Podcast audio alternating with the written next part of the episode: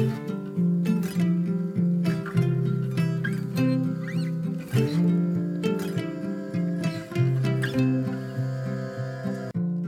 och välkommen till For Health med Anna Sparre. Idag blir det örtkunskap för nybörjaren. Jag tänkte tipsa om några enkla växter som du kan gå ut och plocka här och nu direkt och använda för allt från matsmältning till sårläkning eller mot högt blodtryck och så vidare. Eller bara för ett gott te eller i en sallad. Ett kort och enkelt avsnitt. Häng med! Jag är så glad över att presentera vår sponsor Nyttoteket. På nyttoteket.se kan du nämligen köpa saker som kollagen, MCT-olja och ketosnacks. Och allt är av absolut högsta kvalitet och helt utan konstiga tillsatser. Med koden SPARRE15 får du just nu 15% rabatt på hela sortimentet på nyttoteket.se. Glöm inte att du kan boka mig som föreläsare till ditt företag eller privata grupper. Och om du är nyfiken efter avsnittet eller vill ladda ner mina e-böcker så hittar du mer information på forhealth.se.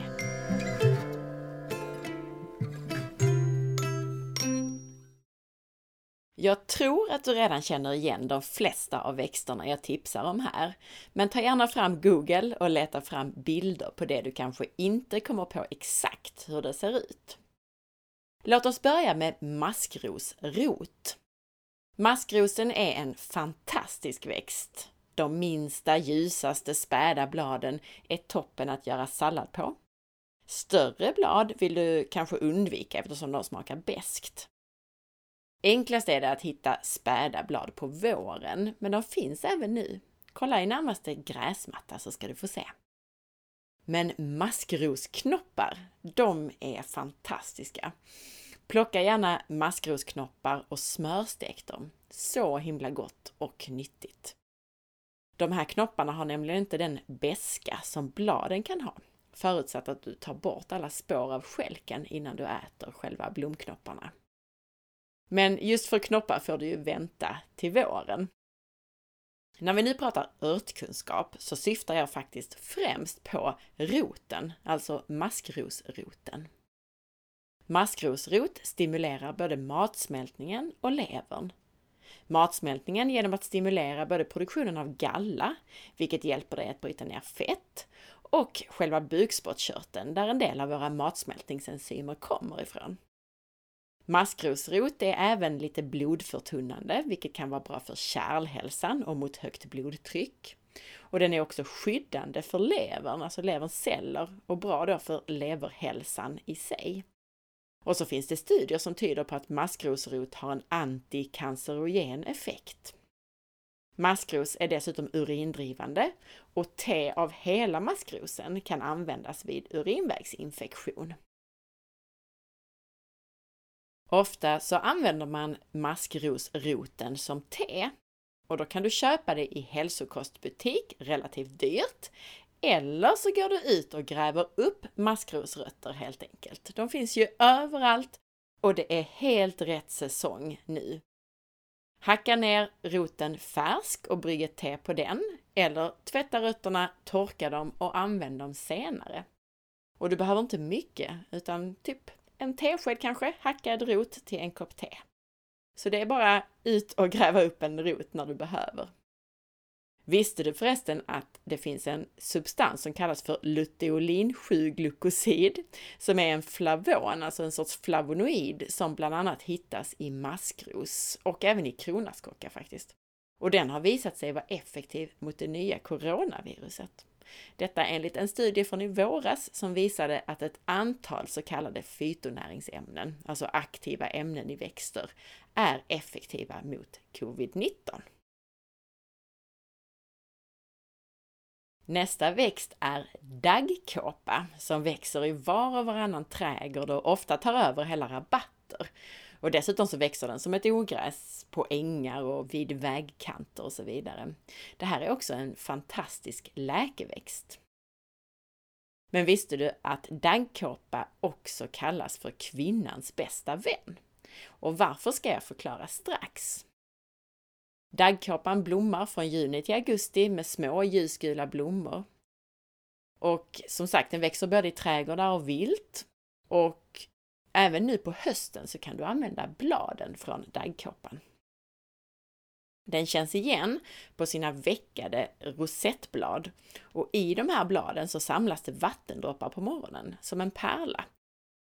Och det är därför som man brukar kalla den för daggkåpa. Och de här dropparna är faktiskt inte alls dagg utan de bildas genom att bladen nattetid utsöndrar vatten som växten har tagit upp genom roten. Man kan äta daggkåpan, som liksom väldigt många andra ogräs alltså är ätbar. Men ta gärna unga små blad så att inte garvämnena i daggkåpa har trätt fram för mycket i den här växten. Smaken är lite besk och syrlig och de går att använda i en sallad eller tillaga på liknande sätt som nässlor eller spenat. Kvinnans bästa vän kallas som sagt denna växt som används som medicinalväxt mot alla möjliga tänkbara sjukdomar och åkommor hos kvinnor framför allt. Den har kunnat göra menstruationen regelbunden, lindra klimakteriebesvär och bota underlivsinfektioner. Daggkåpan innehåller dessutom både mycket fukt och garvämnen och de här garvämnena, de verkar åtstramande för slapp hudvävnad och kan därför då användas på huden. Alltså till exempel så kan man göra ett avkok och använda det här som ansiktsvatten. Bland annat mot rynkor alltså. Avkoket kan du även skölja håret med. Det ger näring och ökar hårets lyster. Och jag ska alldeles strax berätta hur du gör ett avkok. Garvämnena som får hudvävnaden att stramas åt de minskar också blödningar. Och daggkåpan är dessutom antiinflammatorisk, kramplösande och sårläkande. Och den innehåller ämnen som verkar smärtstillande. Många användningsområden för den här växten alltså. Och invärtes så kan den hämma diarré, den kan hämma inflammationer och minska blödningar. Till exempel så används den mot rikliga menstruationer. Den stimulerar, liksom andra växter med bitterämnen, matsmältningen och kan lindra kramper och smärta. Så man kan till exempel då använda avkok och så kan man lägga en kompress för sårläkning. Och det här gör man då mot infektioner och för att lindra inflammationer och svullnad och för att såret ska läka snabbare. Man kan använda det som munskölj vid inflammerat eller blödande tandkött och du kan använda den som behandling av akne, eksem, psoriasis eller mot narig hud. Och dessutom då för att stilla blödande sår eller stoppa näsblod och som sköljmedel i håret för att lindra sårig eller kliande hårbotten. Massvis med användningsområden för daggkåpa alltså. Och Örtte kan man göra på färsk eller torkad daggkåpa. Både blommor och blad kan användas. Då gör man som så att man låter några teskedar hackad daggkåpa dra i hett vatten i mellan 5 och 10 minuter och sen silar man av det här och dricker det. Och drick det då precis före maten om du vill använda det för att stimulera matsmältningen. Och annars om du vill ha alla de här andra effekterna så är det bästa att dricka det på tom mage, alltså mellan måltider, för att få störst effekt. Och eftersom växten då innehåller flera aktiva ämnen så bör du inte dricka det konstant hela tiden, utan som en kur på till exempel ett par veckor. En infusion eller ett avkok, det kallar man ibland starkare varianter av örtte och då låter du lite mer av örten koka eller sjuda eller dra i vatten under lite längre tid, alltså till exempel runt 20 minuter. Och ett avkok görs till exempel för att sedan användas som en baddning av sår, alltså att man baddar på sår. Man kan också använda det för inhalation. Man kan använda det för munskölj, hårskölj, ansiktsvatten och för att göra sådana här kompresser på sår. Nästa enkla växt är groblad. De här ovala grobladen, de hittar du lite varstans, bland annat i gräsmattor eller i sprickor i asfalten. Och du kan använda dem för att påskynda läkning och också för att dra ut stickor eller spågor eller spinkar. Kärt barn har många namn beroende på var i Sverige du bor. De här bladen de är antiinflammatoriska och de har antimikrobiella egenskaper. Och en del använder därför också groblad mot förkylning och halsinfektioner. Groblad är en gammal läkeväxt och kallades förr för plåsterblad för sina sårläkande egenskaper. Och man har hittat gamla texter där det står beskrivet att den ingick som en ingrediens i salva redan på 800-talet. Och gro är ett gammalt nordiskt ord som betyder just läka. Några aktiva substanser i de här bladen, de här grobladen, de heter alanotin och aukubin. Och dessutom så är bladet väldigt näringsrikt med bland annat C-vitamin, kalium, magnesium, K-vitamin och annat som du ofta hittar i sådana här mörkgröna blad. Och det går även bra att äta de proteinrika fröna på den här växten. Hur gör man då om man vill använda det här på sår då, som man oftast gör? Jo, då kan du göra som så att du sköljer och rengör ett blad och sen så tejpar du fast det med kirurgtejp på såret eller stickan. Och extra effektivt för att dra ut stickor eller spågor då blir det om du tuggar bladet till en gröt först och sen lägger på det. Inom ett dygn så brukar den här stickan eller spågan eller spinken komma ut. Grovbladet innehåller alltså flera olika aktiva ämnen som dödar bakterier, lindrar inflammerad hud och dessutom insektsbett. Och vill du använda det i vinter så går det bra att torka eller frysa det som du plockar nu. Rölleka skrev jag om på Instagram i somras och röllekasäsongen kan man väl egentligen säga är över för man brukar plocka den hela sommaren medan den blommar med sina vita små blommor. Och då kan man använda den färsk eller torka den för senare. Men även nu på hösten så hittar du de här små flikiga bladen som du kan använda även nu. Och precis som med daggkåpan så kan du koka te eller göra ett avkok på den. Och röllekan är bra för matsmältning, den är bra för att stimulera levern och du kan dessutom gnugga den på huden för att hålla myggor och fästingar och andra insekter borta. Ska man ut i naturen och vill undvika just fästingar så är alltså rölleka bra att ha på, alltså på huden, eftersom fästingar avskyr den här lukten. Rölleka har traditionellt använts bland annat för matsmältning, mot inflammation, den har använts vid feber, influensa och sårläkning. Väldigt eh, bra för de flesta åkommor. Jag läste i någon örtbok någon gång att när ingenting annat hjälper, då ska man ta till rölleka. Och rölleka är särskilt uppskattad för det mesta som rör kvinnliga hormoner och menscykeln, såsom vid PMS, mensvärk, cellförändringar och i klimakteriet. Dessutom så kommer det här ordspråket Har du ont i magen, gå till Per i hagen. Det kommer just, eller det syftar på just rölleka faktiskt. Så det är alltså rölleka som är Per i hagen. Blommor och blad på rölleka kan användas till te, avkok, tinktur, såromläggning med mera. Och du kan lägga ner lite blad i en sallad, men rölleka ska inte ätas i allt för stora mängder och den ska inte användas vid graviditet eftersom den påverkar livmodern. Men koka gärna ett te och drick innan maten till exempel för att förbättra matsmältningen. Röllika tycker jag att du ska googla och lära dig känna igen. Alltså har man väl tittat ordentligt och lärt sig hur den ser ut så är det inte alls svårt. Men det finns andra växter med små vita blommor som är giftiga nämligen. Sprängört är en sån riktigt giftig växt. Och den är egentligen inte så lik röllika, men googla gärna även den så att du alldeles säkert inte tar fel. Och rölleka kallas även soldatört och sårläka eftersom den har använts ute på krigsfälten för eh, sårvård eftersom den är just antiseptisk och stillar blodflödet. Och den är också bra att använda på insektsbett.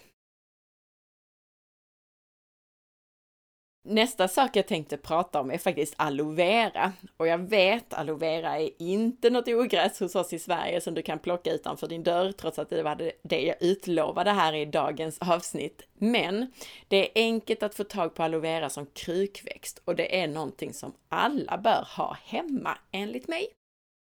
I varma länder så växer aloe vera vid var och varannan husknut, nästan som ett ogräs. Och det här är mycket bättre att använda i sin renaste form än att köpa aloe vera då i krämer och annat. För de innehåller ju oftast en massa konstigheter och tillsatser, de här krämerna.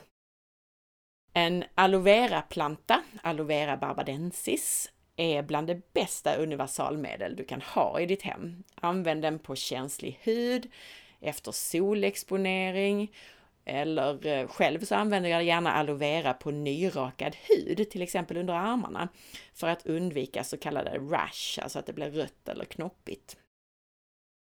Och aloe vera svalkar myggbett och solbränna och lindrar infekterade sår, inflammation med mera. Den fungerar också bra att massera in i hårbotten mot mjäll och den klåda som kan orsakas av mjäll. Och då använder du alltså själva den här gelen inuti bladen. Så det enda du behöver göra är att plocka ett blad, sprätta upp det och sen så sätta det kletiga innandömet på din hud. Tänk på att det finns många sorters aloeväxter och det ska vara den som har små vita fläckar på sina blad, den så kallade barbadensis-sorten. Det finns eh, ett fåtal personer som är lite känsliga mot aloe vera och det man kan tänka på då är bara att man undviker de äldsta bladen och den gulaktiga vätskan som kommer ut ur de här och istället då använda den mer klara ofärgade gelen ur lite yngre blad. Som nybörjartips så rekommenderar jag alltså främst att använda aloe vera utvärtes, även om det invärtes ofta används i olika tarmläkande preparat. Nästa växt är ringblomma. Och ringblomman blommar i min trädgård just nu. De gula eller orangea kronbladen är väldigt vackra, till exempel i en sallad. Och själva blomman, den har sårläkande och inflammationshämmande egenskaper. Den är bra mot hud och läppsprickor. Den är bra mot eksem och brännskador och den är dessutom sammandragande, rengörande och ger näring till huden. Så den är väldigt bra att sätta på huden och då gör man oftast i form av en olja. Som sagt, i en sallad kan man äta den och man kan också använda den i en gryta. De här kronbladen ger en mild smak och framförallt en väldigt vacker saffransgul färg på maten.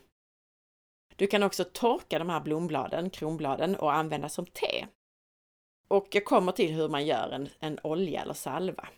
Om man nu vill ha det på huden alltså. Traditionellt så har man använt ringblommor för sina sårläkande och inflammationshämmande egenskaper och det här gäller främst själva blommorna. Ringblomma sägs vara särskilt bra mot just hudinflammation och också mot köldskador och dessutom mot såriga bröstvårtor när man ammar. Och blommorna har både antiseptiska och svampdödande egenskaper Läkeeffekterna i ringblomma kommer bland annat av den eteriska oljan, karotinfärgämnet och bitterämnet kalendulin. Man kan göra munvatten på blommorna vid inflammationer i, i munnen, alltså i munhålan och i svalget. Och skälkens saft på ringblomman, den sägs vara verksam mot vårtor och även mot liktornar och förhårdnader. Att äta ringblomma, alltså själva blommorna, det är milt kramplösande på matsmältningskanalen och det är även svett och urindrivande. Och den sägs sänka blodtrycket och verka lugnande. Hela växten går att äta, men det är kronbladen som smakar bäst och som man oftast använder. En studie i Schweiz visade att det är först när ringblomma blandas med fett som de här sårläkande egenskaperna blir riktigt effektiva. Och ett sätt att göra det här på, det är att man gör en ringblomsolja som kan användas till mindre sår och till torr eller sprucken hud. Och då behöver du en mörk glasburk och så behöver du olja, till exempel rapsolja och så ringblommor. Och det du gör då är att du fyller en ren glasburk, alltså då helst en sån här mörk burk med kronblad för en ringblomma och sen häller du på olja så att oljan täcker blommorna helt och hållet. Sätt på lock på burken och låt det här stå i tre veckor ungefär. Du får gärna titta till den då och då och röra ner om det är några blommor som sticker upp. Sila bort de här bladen efter ungefär tre veckor och sen häller du upp oljan i mörka glasburkar för att skydda mot ljus. Sist men inte minst, om du skulle skada dig i skogen så ska du använda kåda från gran eller tall. Kådan är nämligen antimikrobiell. För kåda är trädets eget skydd mot svamp och andra sjukdomar. Välj då så färsk och ren kåda du kan hitta. Har du egna granar kan du hacka upp en spricka så får du fram kåda. Och annars måste du fråga om lov. Man får inte skada ett träd eller bryta grenar och så utan att fråga. Markägaren alltså. Men du kan om du vill samla in kåda som redan har runnit ut från ett träd. Kådsalva just är ett traditionellt sårmedel här i Norden. Man har använt kådan som den är, eller så har man blandat den till en mjukare konsistens med lite fett. Vill du lära dig mer om örter, läkeväxter eller ätbara ogräs så använd taggen örter på forhealth.se. Där har jag skrivit en hel del om detta. Dessutom så finns det några korta filmklipp, ungefär en minut film per ogräs, som har varit väldigt uppskattade.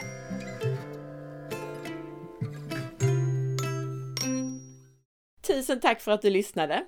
Veckans recension i iTunes är från Ylva-Maria som skriver Fantastisk hälsopodd! Så roligt och lärorikt att lyssna på dig, Anna. Hur har du lyckats tillägna dig så mycket kunskap inom så många olika områden inom hälsa? Jag kommer att lyssna på alla avsnitt. Tack från Ylva! Tusen tack Ylva! Om du gillade podcasten så glöm inte att du också kan dela med dig till din vän eller familjemedlem eller varför inte på Facebook. Ju fler lyssnare, desto större möjligheter har jag att göra bra avsnitt. Tack på förhand! Missa inte heller att följa med på facebook.com forhealth.se och på Instagram via asparre. Gå gärna in i iTunes och lämna din recension du också. Ha en underbar dag så hörs vi snart igen. Hej då!